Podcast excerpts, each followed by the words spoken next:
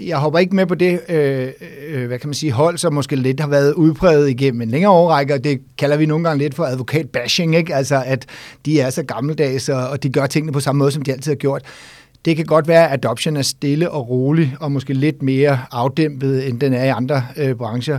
Øh, men den kommer, og den kommer øh, øh, fuldt ud, øh, også til advokatbranchen, og, og det sker lige nu, mens vi taler.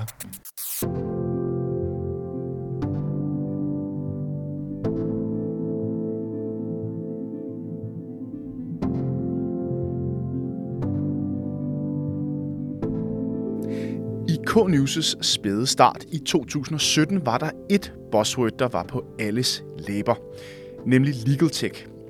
Hovedparten af landets største advokathuse tog straks Legal Tech til sig, og flere etablerede endda specifikke afdelinger, der kun skulle rådgive og arbejde med det her område.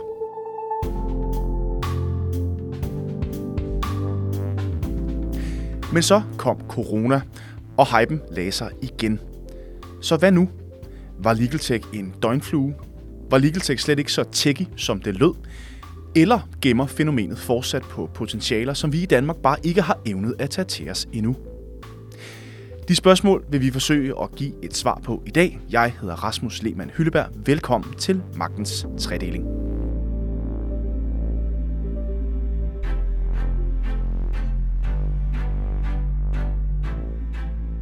Og i dag med mig i studiet kan jeg præsentere partner hos og stifter af Aumento advokatfirma og stifter af Copenhagen Legal Tech Jens Bang Lipst. Hej, Rasmus. Og så kan jeg også byde velkommen til Christian Hjortøj, founder af Legal Tech-platformen Juristik. Velkommen til. Hej. Øh, Jens, lad os prøve at starte med at kylde bolden over til dig. Øh, helt Copenhagen Legal Tech, hvad er det egentlig for en størrelse? Hvad er det, og hvad skal det kunne? For det er jo en relativt ny størrelse, ikke sandt? Jo, det er en relativt ny størrelse. Det er noget, vi har øh, haft på, kan man sige, idéplan i lidt mere end et år eller halvandet. Øh, og så øh, har vi sådan løbende øh, talt om, hvordan vi kunne få det til at, at få lidt mere luft under vingerne, om så må sige. Øh, der er jo gjort forsøg før på at lave foreninger, der ligesom dyrker legal tech som, som en disciplin øh, og forholder sig til den og så Der videre. var Legal Tech Lab på et tidspunkt også ved jeg, ude på KU. Det er der i dag, ja, og det lever ja, i bedste ja. velgående, og det er Alexander, der står for at drive det med stor dygtighed sammen med andre derudefra. Så det er et godt og igangværende initiativ med et lidt andet fokus end det, vi har. Øh, men der har også været andre øh, foreninger. Øh, Øh, de ikke rigtig formået at komme helt ud over rampen. Øh, og det vi har ønsket måske i særdeleshed, det er særlig fokus på økosystemet, altså det at få de forskellige aktører, som er nødvendige for at skabe legal tech øh, og få det brugt i praksis, og få dem til at i virkeligheden ture og læne sig lidt mere ind mod hinanden. Ja, for hvordan adskiller, hvad skal man sige, det her projekt sig fra, hvad skal man sige, de, altså de hedengangne projekter andet steds? Jo, altså øh, nu tror jeg jo personligt rigtig meget på energi, øh, og det vil sige, at der bliver lagt energi og skaberkraft i noget, det gør en kæmpe forskel i sig selv, og mennesker gør en kæmpe forskel i sig selv. Jeg tror, vi har været dygtige og øh, lidt heldige at få øh, rigtig god opbakning ved, at vi måske også selv er gået øh, forrest med øh, den entusiasme, som øh, både jeg og Christian og også mange andre har for øh, legal kombineret med, med den juridiske øh, verden. Og, øh, og det har ligesom formået at skabe denne her øh, entusiasme omkring det. Hvis man specifikt skal slå ned på, hvad, hvad vi særligt har fokus på, så er det, som jeg lige var inde på før, det er det, det her med økosystemet. Vi har brugt rigtig mange kræfter på at sige, øh, hvad er det for, vi er nået frem til? Fem vigtige aktører, der ligesom skal have en øh, interesse og en udvise en omsorg for hinanden, for ligesom at få hjulet i godsøjen til at køre. Og det er jo selvfølgelig startups, øh, øh, som jo er ret væsentlige, må man sige. Øh, men så er det også advokatfirmaerne, som jo er store aftagere af øh, legal tech-produkter. Øh, så er det det, vi kalder corporates. Der er Karnov jo faktisk et eksempel, altså det vil sige eksisterende større spillere, som jo allerede er i legal tech-feltet. Jeg går ud fra, at I også gerne vil betegne jer selv som en legal tech-virksomhed. I er bare 160 år på banen, eller lidt mere.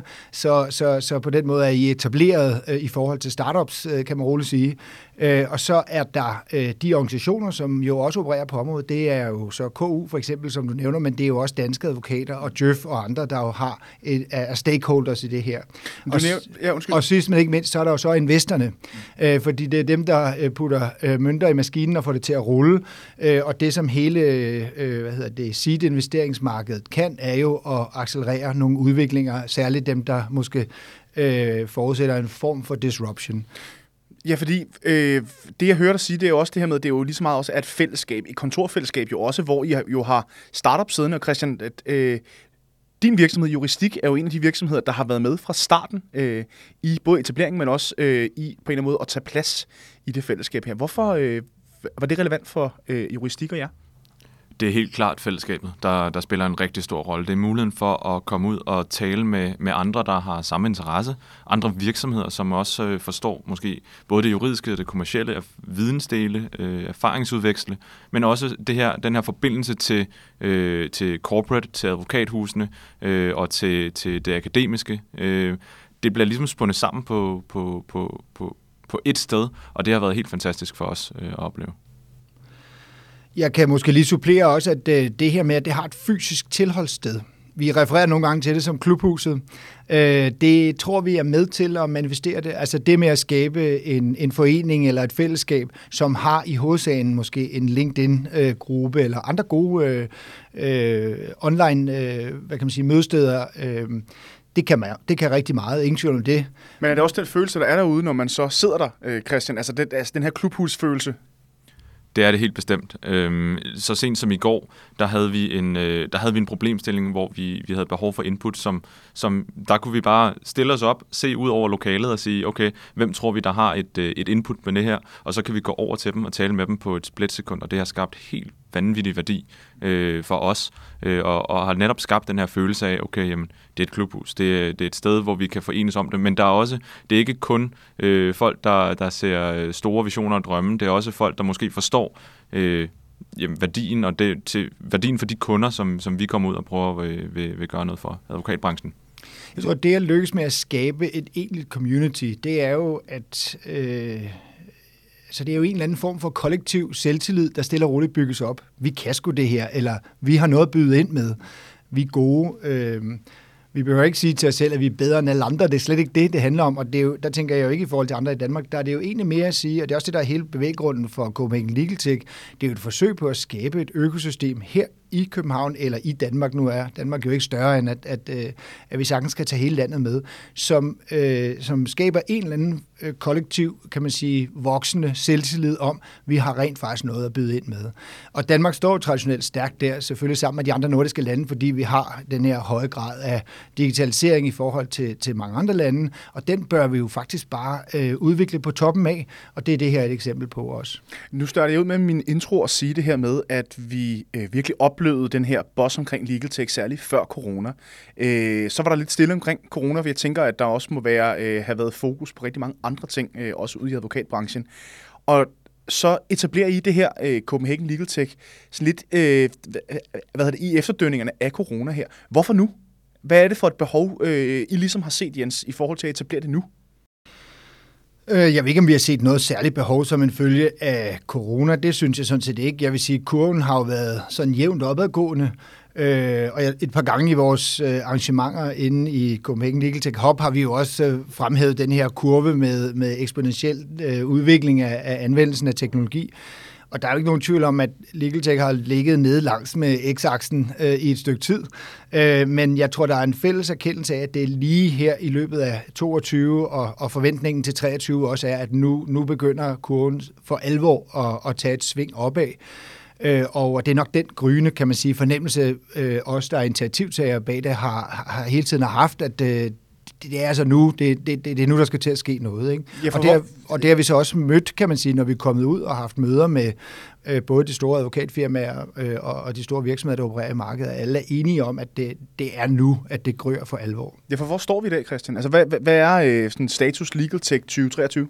Altså, jeg tror, det er en kombination af mange ting. Øhm, for det første, så, så, så har advokatfirmaerne måske fået øjnene op for, at der er måske noget værdi at hente Øh, men samtidig er LegalTech-løsningerne, LegalTech-værktøjerne, LegalTech-aktørerne måske også blevet mere fokuseret på øh, nogle konkrete problemer. Nu er det ikke længere et, et, en situation, hvor vi taler om, Nå, der kommer noget AI på et eller andet tidspunkt. Det blev meget fluffy, men, men, men der er måske kommet nogle, nogle løsninger, som kan gå ind og hjælpe konkret i den her værdikæde, som advokaterne sidder og arbejder med, hvor det bliver klientvendt, øh, eller man kan, man, kan, man kan få klienterne med i det, det bliver kollaborativt, øh, eller, eller vi går faktisk ind og kan øh, bidrage til øh, forretningsmodellen, som advokathusene faktisk øh, opererer inden for. Det har jo været en udfordring tidligere. Og den udvikling har været relativt ny, og jeg tror jeg er en af de øh, fede ting, øh, der gør, at man faktisk kan sige, jamen jeg tror, at Legal Tech faktisk er ved at få et feste, øh, og det er relativt nyt.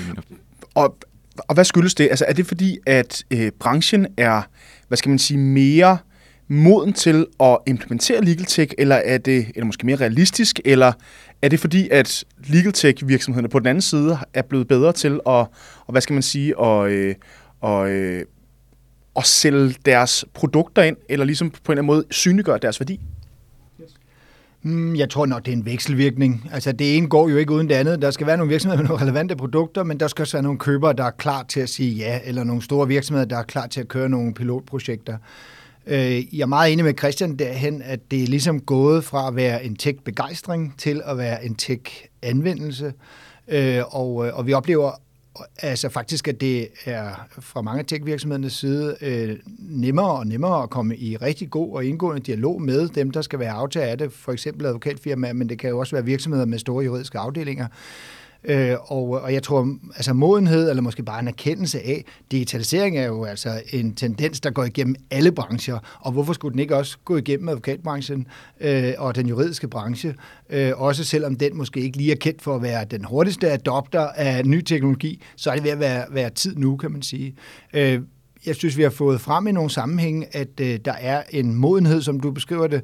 Øh, den viser sig ved, at man er blevet meget dygtigere til at være indkøber eller pilottester af de her løsninger. Øh, man tager måske, som vi kan notere os, en tendens færre projekter ind. Til gengæld er man meget bedre forberedt, eller meget mere klar på, hvad man gerne vil have ud af det. Øh, og det er jo et eksempel på modenhed. Og så en sidste ting, som jo fylder rigtig meget, og det er implementeringsdelen, hvor man måske har været lidt mindre opmærksom på, hvor afsindig vigtig den er i overhovedet at lykkes med det. Jamen, der er jo opstået egentlige jobkategorier i de største advokatfirmaer i dag, som kun har til opgave at massere teknologien ind i medarbejderne. Det er altså ikke nok at øh, hvad hedder det, indkøbe og facilitere en god teknologi. Den skal også indarbejdes i vanerne øh, hos øh, jurister og administrative medarbejdere. Og Christian, hvordan oplever I det, når I er ude og, hvad skal man sige, og gør jer til øh, i branchen? Altså den her modenhed, som Jens han også snakker om, og den her, hvad skal man sige, evnen til at være måske lidt mere realistisk og også øh, sådan, øh, klar på, hvad er det egentlig, man har brug for, i stedet for bare at ville have det hele på en gang? Jeg tror, det hænger rigtig meget sammen med, med, med, med åbenheden øh, for, en, for en dialog. Det er helt klart noget, vi har set som, som øh, har ændret sig. Og måske har det også noget at gøre med vores, vores eget produkt, eller vores egne produkter. Nu har vi en række efterhånden. Øh, men, men åbenheden og dialogen øh, og muligheden for, at man kan komme ind, og man kan, man, hvis, hvis det ikke lige passer, jamen, så kan man godt komme ind på et andet tidspunkt. Selvfølgelig skal det jo være med, med, med relevans på en eller anden måde. Men, men det er noget, vi virkelig har, har kunne mærke. Der er begyndt at være en, en, en, en åbenhed ja, øh, for, at vi kan måske godt hjælpe, og øh, advokathusene kan måske godt bruge det. Og lige hvordan og hvorledes det afhænger jo selvfølgelig af den enkelte partner, det afhænger af det enkelte advokathus, men, men, men det synes jeg har været en rigtig interessant udvikling. Øh, det er ikke længere øh, en eller anden form for pariah eller, eller lignende. Nu, åh oh nej, nu kommer teknørderne, men, men nu er det faktisk noget, der måske kan skabe værdi. Og, og det hænger så igen også lidt sammen med, at jeg tror, at legal tech virksomhederne har været mere åbne for at sige, okay, jamen, måske forstår jeg ikke helt, hvad det så er, du skal have ud af det i virkeligheden. Øh, fordi der er jo mange, der udvikler teknologi, øh, og vi har selv været lidt på samme vej på et tidspunkt, og har så øh, pivoteret en smule, øh, hvor man har set det meget som, jamen, okay, men vi skal optimere, vi skal gøre hurtigere, vi skal gøre alt muligt forskelligt, øh, og, og i virkeligheden lave en slags cost-center-løsning, mens man skulle måske have fokuseret på omsætning i stedet for, fordi det er jo, advokatvirksomheden er jo en, en mere revenue-dannende øh, Øh, altså tid er jo penge, ikke? Øh, og, og det, den, den fælles erkendelse, tror jeg, har gjort rigtig, rigtig meget. Det kan vi opleve ude hos advokathusene.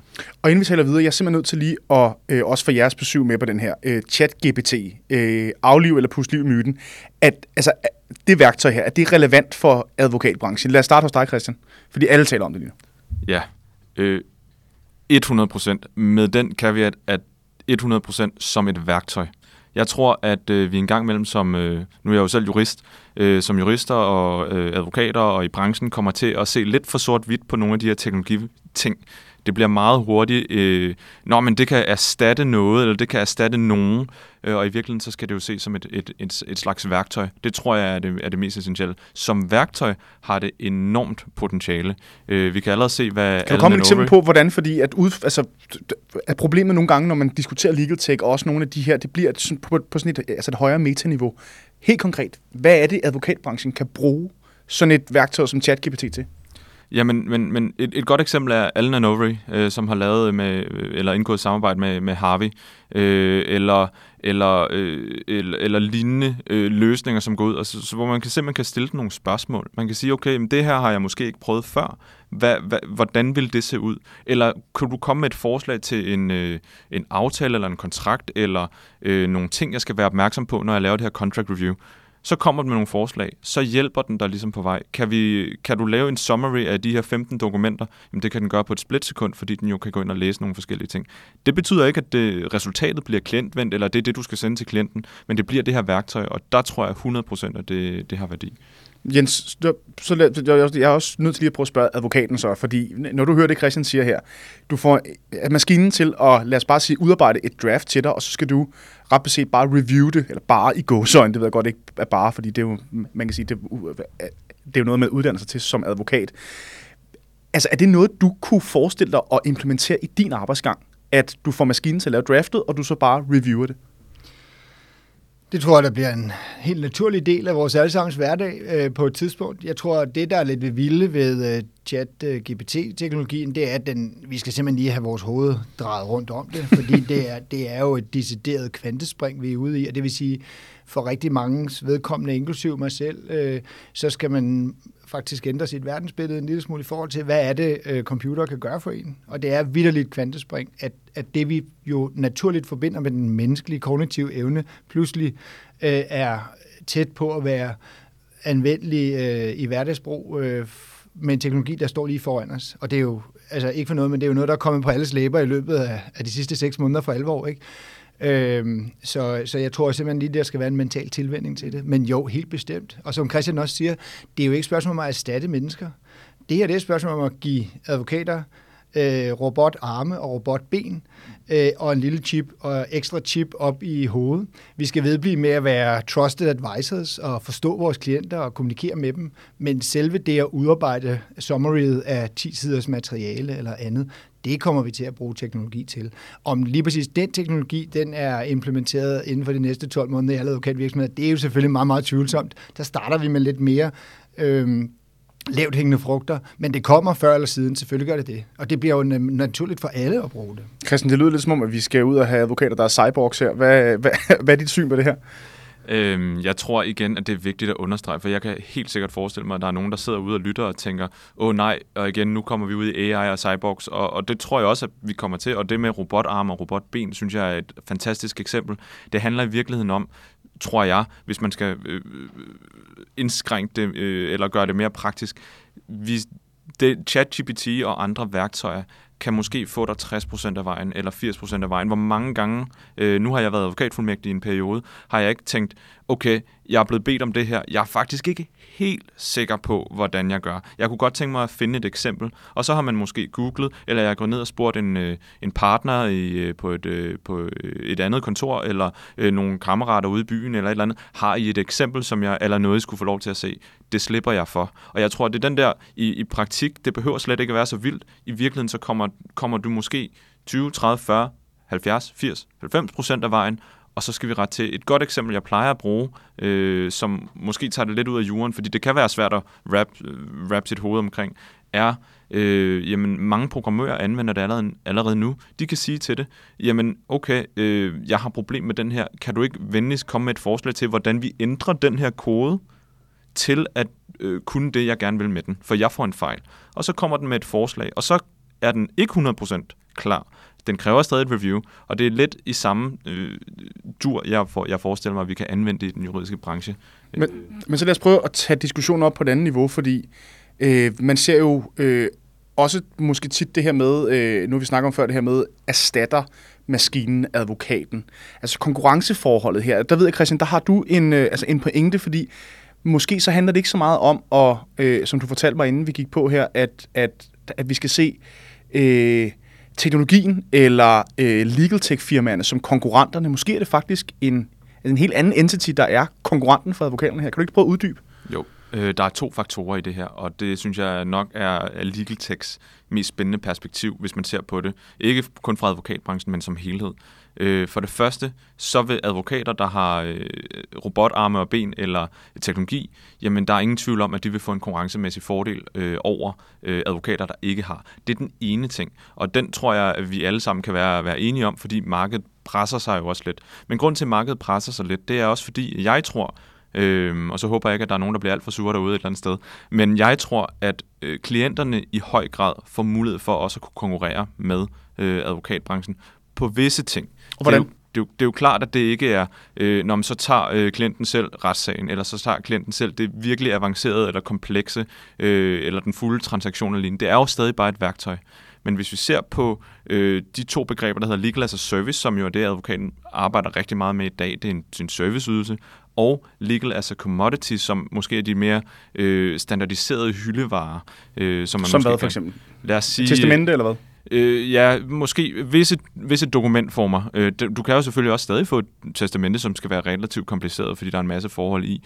Øh, men, men eksempelvis øh, selskabsstiftelser har jo en periode, og nu så jeg lige i, i mit øh, LinkedIn-feed her i, i går, at der var, der var nogen, der reklamerede med, at de kører fast pris på en række, og faktisk også mere komplekse ting, øh, som jeg blev overrasket over kunne være på, på, på fast pris, fordi at det er blevet en hyldevare for dem, og en standardvare.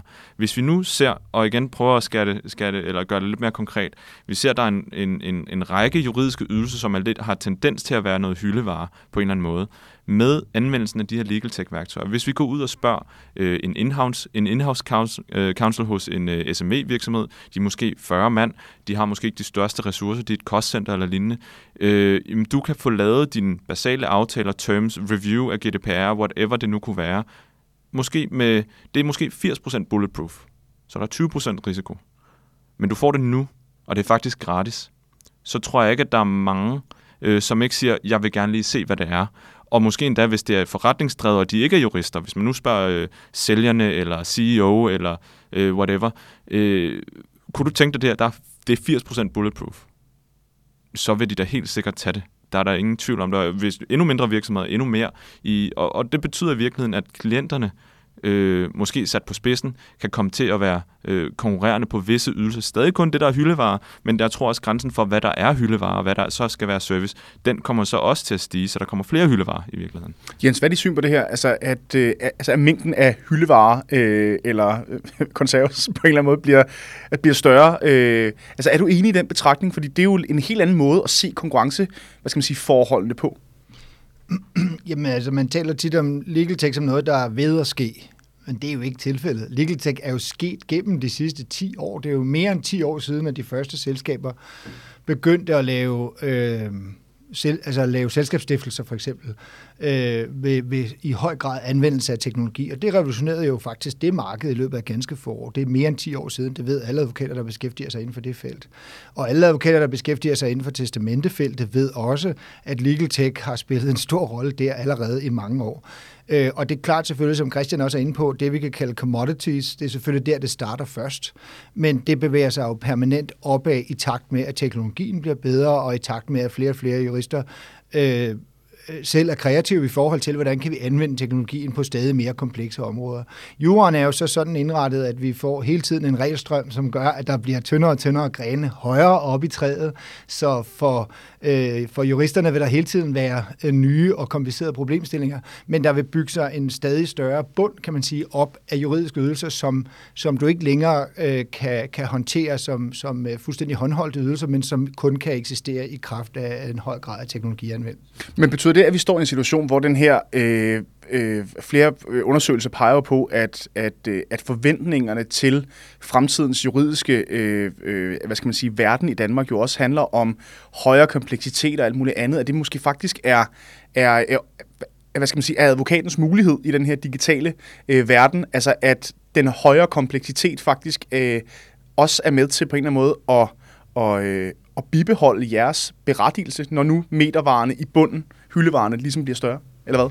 Jeg står ikke her og frygter for Nej. advokatens snarlige øh, uddøen, øh, fordi vi, vi, vi lever i et stadig mere komplekst samfund, og øh, advokater bliver jo også over en bred kamp mere og mere specialiseret. Det bliver sværere og sværere at være generalist. Øh, så jeg tror, at teknologianvendelse, det bliver bare det, der ligger bunden, øh, og så vil der stadigvæk være rariteter øh, i, i yderkanterne af det. Men det, der vil egentlig er konklusionen af det, vi siger, det er, man kan ikke som advokat fortsætte, som om ingenting er hent. Og det er lige meget, hvilken øh, retning man arbejder indenfor. Og det er måske også lidt vigtigt at sige øh, i forhold til det her, at øh, øh det her med, hvor meget fylder øh, legal tech i, i produktionen, den juridiske produktionsrum, om man så må sige, jamen det, det er vidderligt også øh, meget varierende, alt afhængig af, hvilken disciplin det er indenfor. Er du meget retssagstung, for eksempel, jamen så er der nogle typer teknologi, du kan bruge, for eksempel i forberedelsesfasen og andet, men der er jo stadigvæk nogle dele, som du ikke kan bruge teknologi til i særlig vidt omfang. Øh, arbejder du inden for strafferetten, jamen så er der også masser af teknologi, der måske kan bruges på den lange bane, men lige nu og her, der vil der være meget af din hverdag, der er, som det var før. Omvendt, sidder du og laver øh, hvad hedder det, kontrakter i meget vidt omfang, og måske kontrakter, hvor, meget, hvor der er meget gentagelse i det, jamen så er det jo klart for enhver, at hvis ikke du benytter teknologi øh, i større eller mindre grad der, så bliver du kørt, øh, om man så må sige, bagud i, i, i konkurrencespillet. Ikke? Så lad os lige prøve at sparke bolden over til dig, Christian, fordi nu siger, nu siger du det her, Jens, med for eksempel rådgivning er et meget godt eksempel på, hvor at teknologien ligesom øh, i den grad har sin berettigelse. Øh, jeg ved, I har lige øh, lavet et, øh, en stor aftale med, et, med, med de store konsulenthuse. Hvordan oplever du øh, forskellen mellem risikovilligheden? Nu har vi snakket om advokatbranchen og advokatbranchens evne til at implementere de her ting, men vi har jo altså også et kæmpe konsulentben ved siden af, der også yder juridisk rådgivning, selvfølgelig ikke som advokater, men som jo øh, i den grad også mander op på deres øh, også juridiske rådgivning. Så hvordan oplever du, øh, at stemningen er ude hos for eksempel Big Four?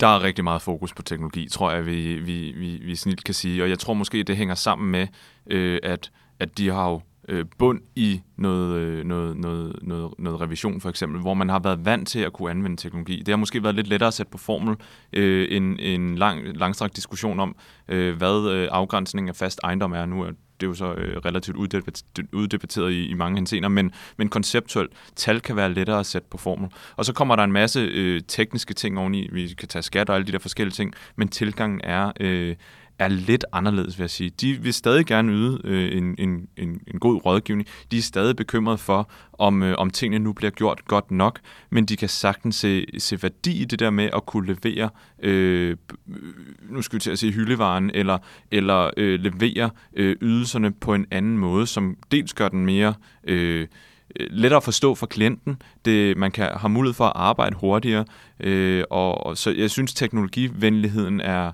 øh, er anderledes. Øh, måske fordi man har arbejdet med det i, i højere grad. Der er deciderede afdelinger, der sidder bare og laver teknologi, både internt øh, og, og, og, og rettet ud af til. Og, øh, og, og det er der ikke mange i Danmark, der, øh, der gør endnu i hvert fald. Hvad er dit syn på det her, Jens? Er du enig i den øh, betragtning, at der måske er en lidt større, hvad skal man sige, øh, nu snakker vi om modenhed før, øh, det er måske også sådan, det kan hurtigt være sådan lidt negativt lavet, øh, men altså, er der forskel mellem, hvad skal man sige, konsulenthusene og advokatbranchen, når vi snakker implementering af øh, eksperimentel teknologi, som det her jo også er? Det skal jeg nok passe på med at udtale mig alt for håndfast om, men det det, er, det er jo ikke helt unfair at sige, at advokatbranchen er ikke kendt for at være fast adopters, og det kan der være alle mulige rigtig gode grunde til. Jeg synes til gengæld, man er nødt til at øh, virkelig anerkende, at der er sket vanvittigt meget inden for det sidste ja, i virkeligheden 20 år, men, men i særdeleshed inden for de sidste fem år. De største danske advokatvirksomheder drives jo i dag som egentlige virksomheder øh, med stabsfunktioner osv., og der bliver allokeret ressourcer til det her, kan vi se i meget, meget vidt omfang. Øh, så det er jo en anerkendelse af, at det spiller en rolle. At det så ikke foregår lige så hurtigt som øh, sådan nogle tech som også måske synes, det skulle, øh, det, øh, det, det er nok en indbygget naturlig forekomst. Altså. Så, så jeg hopper ikke med på det, hvad kan man sige, hold, som måske lidt har været udpræget igennem en længere årrække, og det kalder vi nogle gange lidt for advokat-bashing, ikke? altså at de er så gammeldags, og de gør tingene på samme måde, som de altid har gjort. Det kan godt være, at adoption er stille og rolig, og måske lidt mere afdæmpet, end den er i andre øh, brancher. Øh, men den kommer, og den kommer øh, øh, fuldt ud, øh, også til advokatbranchen, og, og det sker lige nu, mens vi taler. Jeg tror, det er vigtigt at understrege i virkeligheden, at, at, at, at du har nemlig fuldstændig rent, Jens, at der har været rigtig meget advokat, advokatbashing øh, i, i en periode. Jeg tror, det er bare vigtigt at understrege, at, at det, er ikke, det skal ikke ses som en trussel, det her teknologi. Det er virkelig, virkelig en mulighed for at gå ind og arbejde med på nogle måder, som, som kan give mere øh, klientværdi. Fordi vi taler jo om nogle klienter, som er, er vant til, og de har måske endda bygget deres virksomheder med teknologi, så de forventer det jo også øh, på den ene eller anden måde. Det er helt klart en, en mulighed for at komme ind og være på klienthøjde, og være trusted advisor, og, og måske arbejde med nogle, måske kunne få mere tid til at arbejde med klienten, være tilgængelig, øh, når, når de ringer. Det er man jo selvfølgelig som advokat, men jeg ved jo også, hvor, hvor, hvor travlt der kan være til tider. Øh, så, så det er klart en, en mulighed, øh, som, som er rigtig spændende. Ja, så en ting, jeg godt kunne tænke mig også at sige, som jeg synes nogle gange glider lidt ud, fordi også mange af spørgsmålene, vi har oppe her i dag, handler også om at effektivisere, og hvordan producerer vi det, vi har produceret før, men bare hurtigere og smartere. Det, som jeg synes, der øh, nogle gange fylder lidt for lidt, og det er også fordi, det selvfølgelig måske risikerer at være lidt luftigt, det er, at teknologi åbner jo op for at kunne lave helt nye ydelser som ikke har fundet før, fordi vi kan behandle data på en ny måde, og det vil sige, at vi kan trække viden ud af noget data, som vi ikke kunne før. Øh, et eksempel, jeres eget produkt, Bella, som I har øh, her i huset, jamen øh, der ligger jo en analyse af aktiviteter på kontoen forud for en konkurs, og den spotter nogle mønstre, noget andet, som den menneskelige Øh, hjerne vil være meget længere om at spotte osv. Et godt eksempel på, at teknologi går ind og tilfører produktet nogle elementer, som det ganske enkelt ikke havde før. Øh, og det, øh, det ser vi på en masse andre områder, at, at i virkeligheden datification af et område betyder eller medfører, at der opstår nye produkter. Og det synes jeg bliver enormt spændende, hvem der bliver i stand til at drive nye ting ud af det. Ja, for vi kan jo blandt andet læse i, i det nyeste udgave af advokaten Jørgen Bæk Weiss øh, fortæller blandt andet om, hvordan man i USA øh, har øh, sådan nogle analyseværktøjer, der blandt andet kan gå ind på baggrund af data øh, under en retssag og analysere, hvordan øh, dommeren vil øh, hvad skal man sige, fælde dom i lignende sager. Altså er, altså, er det ligesom det næste, Christian? Er, altså, er det det, der også vil ramme, hvad skal man sige, Danmark? Øh, jeg tror både ja og nej, og man skal også igen øh, gå ind og se på, hvad, hvad, hvad er værdien her, og er der noget mere håndgribelig værdi? Øh, fordi det kan være lidt svært at, at, at, at, at finde hoved og hale igen. Øh, jeg tror rigtig meget på det med legal data, men hvorfor tror jeg på data? For data har vi hørt om utrolig, utrolig meget, øh, og det er næsten blevet så fluffy, at det kan være svært at finde rundt i. Øh, vi arbejder meget ud fra en, øh, en, en model, vi kalder den juridiske værdikæde, som jeg også lidt nævnte før, hvor vi taler om, at vi har øh, nogle forskellige faser i den juridiske, uanset hvordan og hvorledes. Øh, det kan være på dokumentniveau eller lignende, men der er altid produktionen, som vi har, vi har set rigtig meget legal tech gå efter. Jeg tror, at der ligger rigtig meget fremtid i noget af det, du nævner der, som er analysen øh, og onboarding af klienter. Det vil sige, det der arbejde, der ligger før, fordi det er jo ofte der, at man går ind og, og øh, nedskriver timerne, eller hvis der, hvis der er brugt for meget, eller der, hvor man bruger rigtig rigtig, rigtig lang tid, fordi det er jo ikke altid selve draftingen, der tager tid. Øh, og der findes rigtig mange gode værktøjer derude.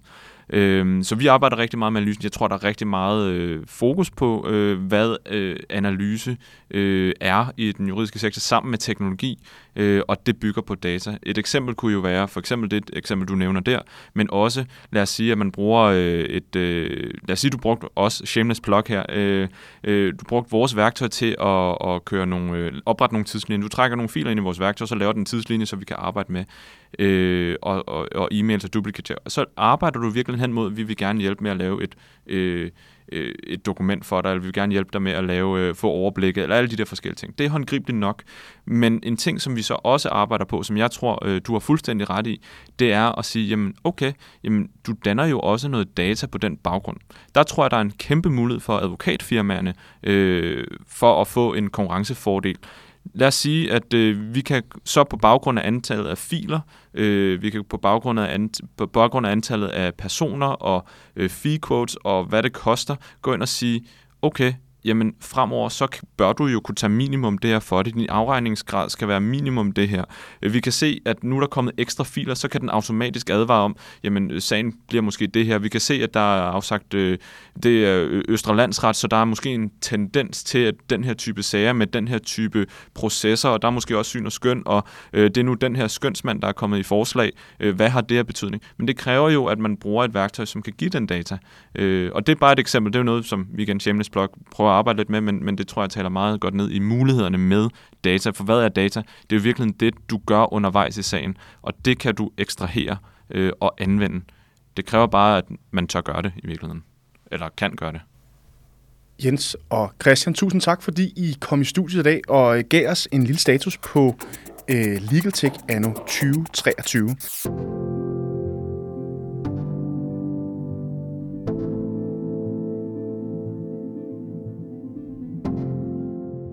Magtens tredeling kan findes på øh, iTunes, øh, øh, podcast, Spotify, eller hvor du ellers finder dine podcast, hvor du også kan finde mange flere øh, episoder af Magtens Tredeling, og øh, du kan faktisk også abonnere på vores kanal, hvor at vi har mange forskellige øh, udsendelser efterhånden. Og lyt med i løbet af foråret her, hvor at vi om ikke særlig længe øh, udgiver en særlig serie om presset på den danske retsstat. Øh, Magtens Tredeling og K-News er produceret af Karno Group.